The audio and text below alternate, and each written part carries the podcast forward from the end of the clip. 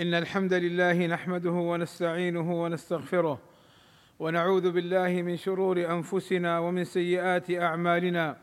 من يهده الله فلا مضل له ومن يضلل فلا هادي له. وأشهد أن لا إله إلا الله وحده لا شريك له. وأشهد أن محمدا عبده ورسوله. يا أيها الذين آمنوا اتقوا الله حق تقاته ولا تموتن إلا وأنتم مسلمون. يا أيها الذين آمنوا اتقوا الله وقولوا قولا سديدا يصلح لكم أعمالكم ويغفر لكم ذنوبكم. ومن يطع الله ورسوله فقد فاز فوزا عظيما.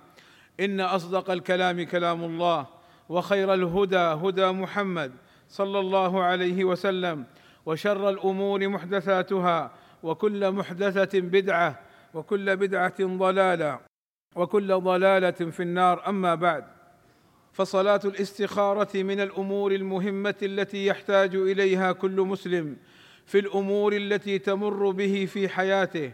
ومع هذه الأهمية إلا أننا نجد بعض الناس يجهلون ما يتعلق بها بل ويقعون في مخالفات شرعية قد تصل إلى طلب علم الغيب من الكهان والعرافين ولا حول ولا قوة إلا بالله العلي العظيم.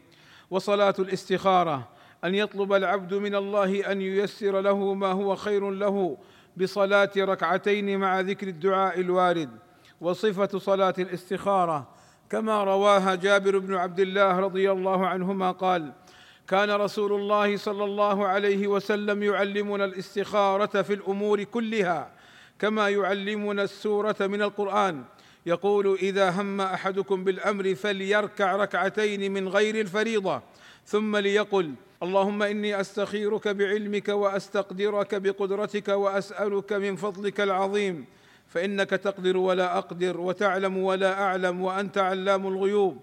اللهم إن كنت تعلم أن هذا الأمر خير لي في ديني ومعاشي وعاقبة أمري فاقدره لي ويسره لي ثم بارك لي فيه.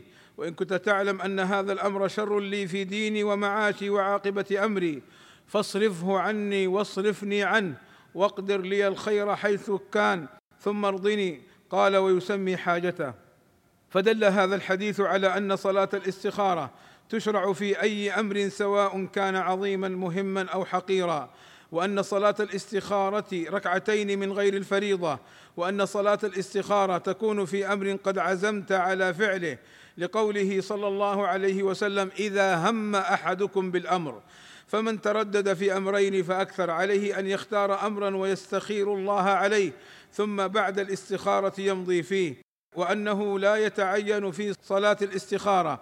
قراءة سورة أو آيات معينة بعد الفاتحة بل يقرأ ما تيسر من القرآن وأن الخيره تظهر بتيسير الأمر والبركة فيه وإلا صرف المستخير عنه ويسر له الخير حيث كان. وأن المسلم إذا صلى صلاة الاستخارة مضى لما عزم عليه سواء انشرح صدره أم لا. والله أسأل لي ولكم التوفيق والسداد وأن يغفر لنا الذنوب والآثام. إنه سميع مجيب الدعاء. الحمد لله رب العالمين والصلاة والسلام على المبعوث رحمة للعالمين وعلى آله وصحبه أجمعين عباد الله. يحرم الذهاب للكهان والعرافين والمشعوذين ممن يقرأ الكف أو الفنجان لطلب الخيرة منهم. قال صلى الله عليه وسلم من أتى عرافا فسأله عن شيء فصدقه لم تقبل له صلاة أربعين يوما.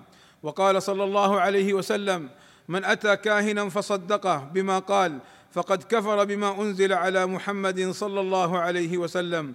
ثم اعلم يا عبد الله أن هؤلاء المشعوذين لا يعلمون الغيب فالله وحده يعلم الغيب. قال تعالى قل لا يعلم من في السماوات والأرض الغيب إلا الله وما يشعرون أيان يبعثون.